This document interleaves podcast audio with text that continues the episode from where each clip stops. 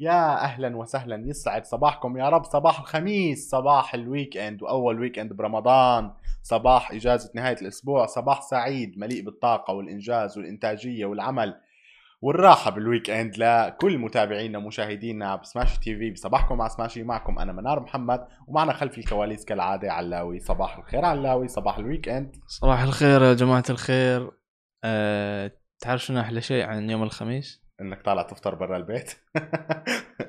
إي بس يوم باكر يوم الجمعة يعني أنا أقدر نقدر ننام نوم. الليلة. يا الله حلم أقدر أسهر الليلة وأقدر أنام ليه أذان الظهر. ها ها عبالكم بقول المغرب ها؟ لا, لا، لا, طبعاً. لا. أقوم للصلاة بعدين أرد أنام. بعدين أرد أنام.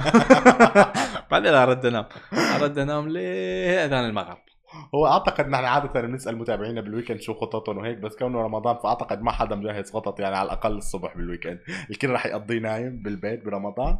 بعد الأفطار بقى ممكن جمعات ممكن مسلسلات ممكن. مسلسلات أنا ما عندي. أنا إذا تعطيني أنمي ياباني أشوف. من اليوم لباكر ما بنقدر نحكي معهم ترى جيش كبير كمان ولا؟ مع أنا شخصيا ما بتابع كتير صراحة بس يعني. أنمي؟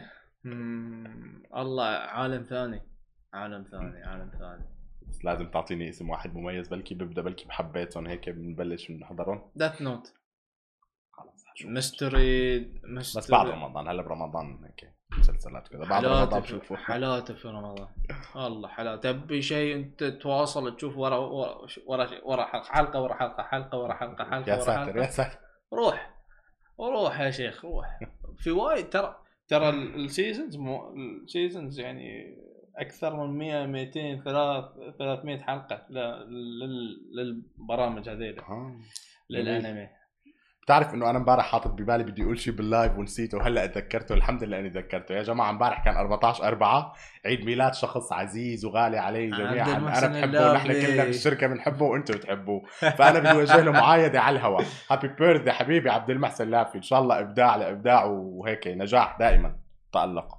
شو بتقول لابو لافي بعيد ميلاده كل عام. وأنت بخير يا الغالي والله يطول عمرك آه ونشوف آه نشوف مين مكسر ال social media مو ثلاثة ثلاثة مليون ولا 20 4 مليون. مليون 20 100 مليون مشترك. إن شاء الله. وهلأ حنبدأ بأخبارنا اليوم. مجهزين لكم ثلاث أخبار كثير حلوين على السريع. حنبدأ أول خبر أكيد بال Coinbase والناس كلها عم تحكي عن ال Coinbase حيث حققت شركة Coinbase التي تدير أكبر بورصة أكبر بورصة للبيتكوين والعملات الرقمية الأخرى. قيمة سوقية تبلغ نحو 100 مليار دولار في قائمة سوق الأوراق المالية. تخيلوا بس 100 مليار دولار يعني رقم بسيط جدا. وتم طرح اسهم الشركة للمرة الأولى في البورصة بسعر 381 دولارا للسهم. ويضع التقييم الأخير Coinbase في المقدمة أمام العديد من الشركات المعروفة بما في ذلك شركة النفط البريطانية العملاقة BP ومنصات التداول الأخرى. وتعد هذه الأنباء أحدث دليل على اكتشاف العملات الرقمية قبولا عفوا على اكتساب العملات الرقمية قبولا أوسع بين المستثمرين التقليديين كما أن سعر بيتكوين مثل ما بتعرفوا ارتفع بأكثر من 300% السنة الماضية. فارتفع لمستويات أعلى خلال عام 2021 حيث كشفت شركات بما فيها تسلا أكيد و Mastercard و BlackRock عن خطط لدمج العملات الرقمية في أعمالها. سجل سعر البيتكوين مثل ما حكينا بالأخبار امبارح كان عنا خبر عن البيتكوين حكينا إنه سجل سعر قياسي بأكثر من 63 ألف دولار يوم الثلاثاء قبل إدراج Coinbase وحققت العملات الرقمية الأقل شهرة مكاسب أيضا مع Dogecoin والتي تم إنشاؤها في البداية على سبيل المزاح. تخيلوا Dogecoin بالبداية أنشأوها على سبيل المز- المزاح الآن كمان عم تشهد ارتفاع بأسعارها حيث ارتفعت بأكثر من 70% إلى أكثر من 13 سنتا. استفادت طبعا كوين بوي Coinbase ومقرها الولايات المتحدة مثل ما بتعرفوا. آه، استفادت أكيد من الأزمة وتجني الأموال بشكل أساسي عن طريق فرض رسوم على المعاملات التي تجري على منصتها من ارتفاع الطلب. هي استفادت من ارتفاع الطلب وأصلا هي كيف تجني الأموال؟ من خلال فرض رسوم على المعاملات التي تجري على منصتها. طبعا Coinbase تأسست عام 2012 كان لديها أكثر من 56 مليون مستخدم بأكثر من 100 دولة. وكانت تمتلك حوالي 223 مليار دولار من أصول المستخدمين في نهاية شهر مارس أو آذار الماضي.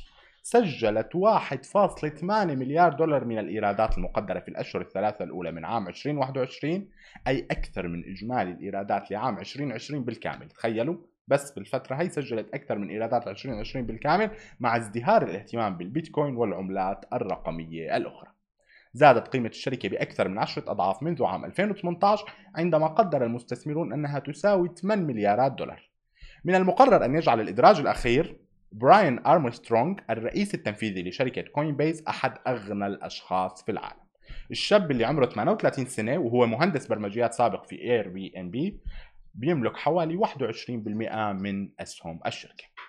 هاي كان خبرنا الأول اللي حكينا فيه عن كوين بيز وكالعادة ارتفاع أسعار العملات الرقمية وخرقت حاجز 63 و 64 ألف دولار وما زالت باستمرار ومو بس البيتكوين حتى باقي العملات الرقمية وأكيد طبعا حتكون إدراج كوين بيز علامة فارقة مثل ما تداولت أغلب التقارير والتغطيات الإخبارية علامة فارقة في تاريخ العملات الرقمية. بخبرنا الثاني رح نحكي عن طيران الاتحاد حيث قال الرئيس التنفيذي لاير سيشل ريمكو التهاوس أمس إن الاتحاد للطيران تجري محادثات للتخلي عن حصتها البالغة 40% في الناقلة الصغيرة الكائنة بمنطقة المحيط الهندي. ما قد يجعل حكومة سيشل المساهم الوحيد في إير سيشل. وقال ألفيوس وهو مسؤول تنفيذي سابق طبعا في الاتحاد خلال فعالية تنظمها كان الاستشارات الطيران عن بعد يجري الأمر بينما نحن نتحدث إنه يحدث حاليا أشارت الاتحاد اشترت عفوا الاتحاد حصة حصة أقلية ب 2012 مثل ما بتعرفوا اشترت حصة أقلية إذا استثمرت 20 مليون دولار بالإضافة إلى تقديم قرض بقيمة 25 مليون دولار وأفاد إفصاح تنظيمي في ديسمبر بأن حكومة سيشل تعتزم لشراء الحصة بقيمة اسمية. يأتي ذلك طبعا في الوقت اللي بتعتزم فيه الشركة الإماراتية شركة طيران الاتحاد بتعتزم تحويل طائرة نفاثة خاصة من طراز 300 777 اي ار إلى خدمة الشحن استجابة للزيادة المستمرة في الطلب على الشحن الجوي المخصص. هي كان خبرنا الثاني بطيران الاتحاد والسيشل والآن رح ننتقل لخبرنا الثالث والأخير لهذا اليوم واللي رح نحكي فيه عن سامسونج ومنزله إعلان تشويقي لأقوى جهاز جالكسي على الإطلاق حسب إعلان طبعا الشركة. حيث نشرت شركة سامسونج إعلانا تشويقيا لحدث قادم في 28 أبريل أو نيسان الجاري من خلال من خلاله أعلنت قدوم أقوى جهاز جالكسي على الإطلاق. لم تنشر الشركة أي معلومات حقيقية عما سيجعله. طبعا هي سمته جالكسي انباكد 2021 ما نشرت أي معلومات حقيقية عن الجهاز القادم اللي جاي بنهاية الشهر مثل ما قلنا ب 28 أبريل. لكن على ما يبدو أنها ستكشف عن حاسوب محمول ربما يكون جالكسي بوك برو الذي من المتوقع أن يصل مع معالجات إكسينوس التي تطورها سامسونج بنفسها. يظهر في الإعلان مثل ما شايفين بالفيديو صندوق من الكرتون كبير الحجم وهو يوحي بإضافة بعيدة عن الهواتف الذكية كما أن اللقطة الختامية تشير إلى جهاز يمكن فتحه بطريقة الحواسيب المحمولة وهو ما يرجح قدوم جالكسي بوك لكن بنفس الوقت لا يمكن استبعاد قدوم أحد الهواتف الكبيرة القابلة للطي أو جهاز لوحي قابل للطي مثلا. جالكسي اعلن طبعا شركه سامسونج اعلنت عن حدث جالكسي جاي مثل ما قلنا ب 28 أبريل حيكون الساعة 5 تحديدا بتوقيت السعودية مساء. الجملة التشويقية ليست صريحة جدا كما هو معتاد في هذه الدعوات أكيد دائما ما بيطرحوا تماما شو هي الأجهزة الجاي بحبوا يعملوا نوع من التشويق لحتى الناس تتحمس أوه شو أقوى جهاز جالكسي جاي على الإطلاق؟ هل حيكون آه تليفون؟ هل حيكون آي آه تابلت؟ عفوا هل حيكون آه آه حاسوب محمول مثل ما عم تجري أغلب التوقعات؟ لهيك كان كانت إعلان هالدعوة في نوع ما في جملة تشوي... ما في جملة صريحة إنما كانت جملة تشويقية. طبعا بالنظر لطبيعة الإعلان ودورة الإصدار المعتادة من سامسونج فهناك بعض التلميحات التي يمكن استلخاصها. يبدو أن وصف المنتج المنتج الذي تريد شركة سامسونج آه الإعلان عنه بصفته أقوى جهاز جالكسي بعيد نوعا ما عن الناس استبعدت إنه يكون جهاز جالكسي زد فولد 3 آه، ولا لا يزال التصور الأكثر رسوخا ان معالج الهاتف المحمول حتى لو كان معالجا قويا من كوالكوم صعب إنه يكون بالمستوى نفسه من القوة مثل معالج الحاسوب المحمول الحقيقي. لهيك أغلب الترجيحات قالت إنه غالبا حيكون هو جهاز حاسوب محمول. فحننتظر 28 أبريل لنشوف شو أقوى جهاز جالكسي على الإطلاق حسب ما أعلنت جالكسي وأكيد محبي ومستخدمي عشاق سامسونج جالكسي بشكل عام متحمسين لهالإعلان. أنا شخصيا بصراحة من مستخدمي أبل مثل ما بقول كل يوم فما خصني ابدا بهالموضوع. هذا كان خبرنا الثالث والأخير لهذا اليوم. إن شاء الله يا رب تكون أخبارنا عجبتكم. حنطلع هلأ فاصل قصير بعد الفاصل عنا مقابلة مع السيد أحمد حمودة من القاهرة الرئيس التنفيذي لشركة ثاندر أهلا وسهلا بمتابعي ومشاهدي سماشي تي في رجعنا لكم بعد الفاصل. وكالعادة بصباحكم مع سماشي معودين لكم نجيب لكم ضيوف مميزين من كل مكان. هالمرة ضيفنا من القاهرة من مصر أم الدنيا معنا السيد أحمد حمودة الرئيس التنفيذي لشركة ثاندر صباح الخير يسعد صباحك يا رب. صباح النور. أنا مبسوط جدا إن أنا معاكم النهارده. شكرا جزيلا لوجودك معنا وإن شاء الله يا رب ما تكون آخر interview أكيد دائما لنا interviews بالمستقبل. أول شيء بالبداية أحمد السيد أحمد إذا بدنا نعرف الناس بشكل عام بثاندر شو هي ثاندر باختصار؟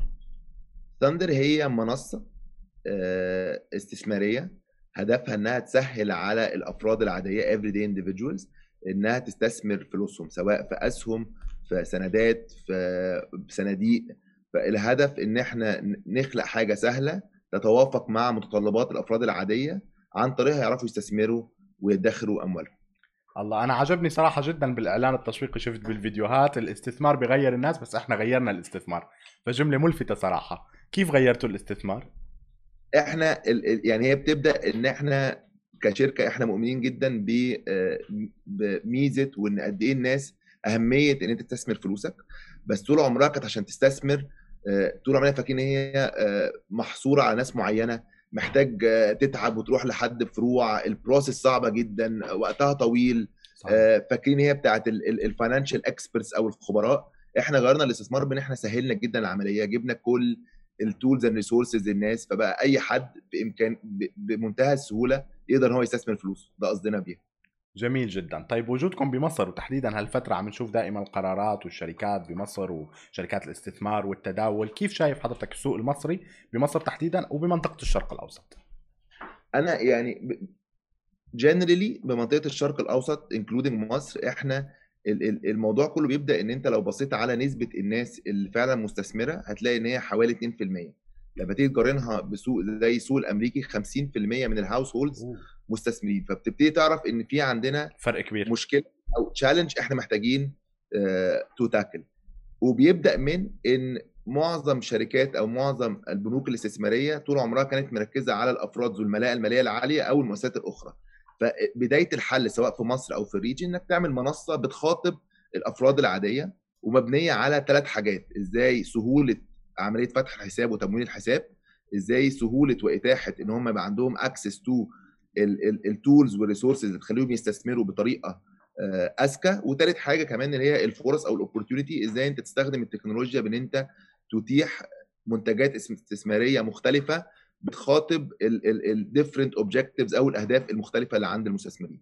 الله جميل جدا. وأكيد وجود مثل هيك منصات بيساعد الناس وبيحمسها. بس أكيد حضرتك عارف الناس دائما عندها تخوف من ناحية إنه كونه استثمار إلكتروني من أمور الخصوصية أمور المالية كذا. فربما يمكن مشان هالشيء اجى التوقيع الإلكتروني ليكون أمن للناس. فإذا بنحكي عن التوقيع الإلكتروني كيف مثلا ممكن يساهم أو يضمن للناس إنها تحس إنه هي فعلا safe وبتقدر تستثمر بكل I think يعني انت قلت قلت نقطة مهمة جدا. لو لو تسمح لي قبل ما أقول لك على التوقيع الإلكتروني اتفضل. هو عنصر الأمان.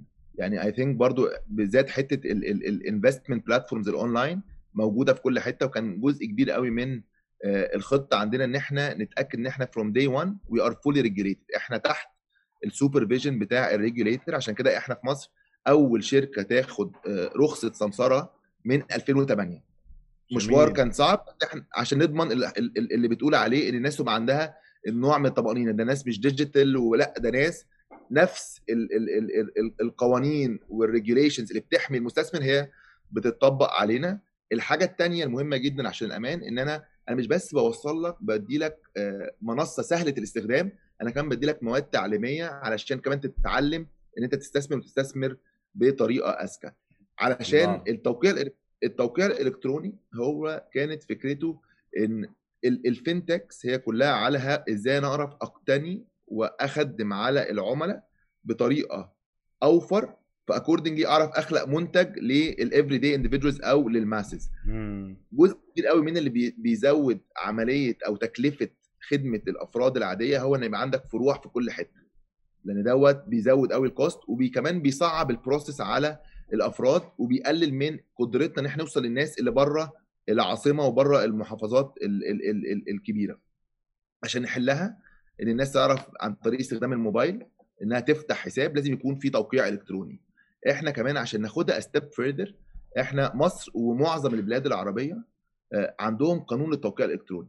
فاللي إحنا عملناه إن إحنا بدأنا بمصر وإحنا قدمنا على رخصة توقيع إلكتروني علشان عايزين لما حضرتك تفتح معانا حساب وتمضي الكترونيا يبقى ليه حجة قضائية. يبقى تعرف بعد كده زي بالظبط الإمضاء اللي بتمضيها بإيدك اللي بيجيبوا خبير خطوط يبقى الإمضاء اللي مضيتها الكترون إلكترونيكلي ليها كمان حجة قضائية. فهو دوت كان الهدف من إن إحنا رحنا قدمنا على رخصة توقيع إلكتروني. فبشكل هيك بتكون حقوقك كلها محفوظة اللي لك واللي عليك في حال صار أي شيء كله.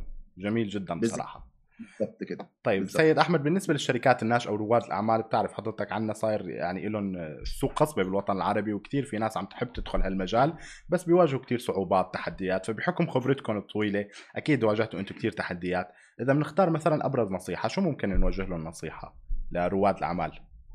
لا يعني سؤال سؤال صعب طبعا بس يعني خليني أقول لك إن إن أنا شخصيا شايف إن من أحسن الحاجات ومن أكتر الحاجات اللي بتدي أمل في المنطقة عندنا هو وجود الشركات الناشئة الجديدة اللي كل شوية في مجال مختلف آه، يعني دايما بنقول إن إحنا محظوظين إن إحنا ك region إن إحنا تحولنا من ال internet of social اللي هو بس بنستخدم الإنترنت عشان نخش على تويتر وفيسبوك والكلام ده كله into the internet of doing business الناس عندنا في المنطقة بقوا عندهم من الأريحية إن هم يستخدموا الموبايلات إن هم يشتروا حاجات ياخدوا معاملات. تجارية online. And accordingly إنك يبقى دلوقتي عندك ال- ال- الفرصة دي في فرصة لكل الشركات الناشئه إنها تستخدم التكنولوجيا إنها تغير من آه، من industries كتيرة جدا. I think نصيحتي إن إن إنك محتاج ك ك كرائد أعمال إنك يبقى عندك ال balance ما بين إنك تعرف تسمع وتعرف آه، تغير من ال tactics بتاعتك فيبقى عندك القدرة إنك تسمع آراء الناس وإيه المشاكل وتعرف تحاول تلاقي لها حلول وفي نفس الوقت ما تغيرش اللي أنت مقتنع بيه واللي أنت بتؤمن بيه لأن في الآخر محدش فاهم اللي أنت بتحاول تعمله ولا شايف اللي أنت بتحاول تعمله أكتر منك الله جميل جدا. يعني بصراحة النقاش ممتع جدا وما بدي إنه ينتهي ولكن للأسف الوقت داهمنا. بس قبل ما نقفل ال interview لازم نأخذ من حضرتك حصريات أخبار إذا في شراكات مثلا مستقبلية أو توسع. خاصة أنا بعرف إنه السوق الخليجي بشكل عام دائما سوق جاذب للاستثمار. فهل في عندكم مثلا طموح أو خطط مستقبلية بالانتقال مثلا للخليج تحديدا أو الوطن العربي بشكل عام؟ إحنا دايما بنقول إحنا إحنا شركة من مصر بس إحنا we belong to الشرق الأوسط. وجزء أساسي من اللي إحنا بنشتغل عليه إن قبل ما السنة دي تخلص إن شاء الله يكون لنا تواجد في أكتر من آه، بلد بره مصر في الشرق الأوسط. أول ما تفتتحوا فروعكم لازم تكون أول interview حصريا إن شاء الله معنا بالمستقبل. نتمنى لكم كل النجاح والتوفيق. انبسطت أنا جدا معك. رمضان كريم يا رب. يعطيك ألف عافية. Thank you very much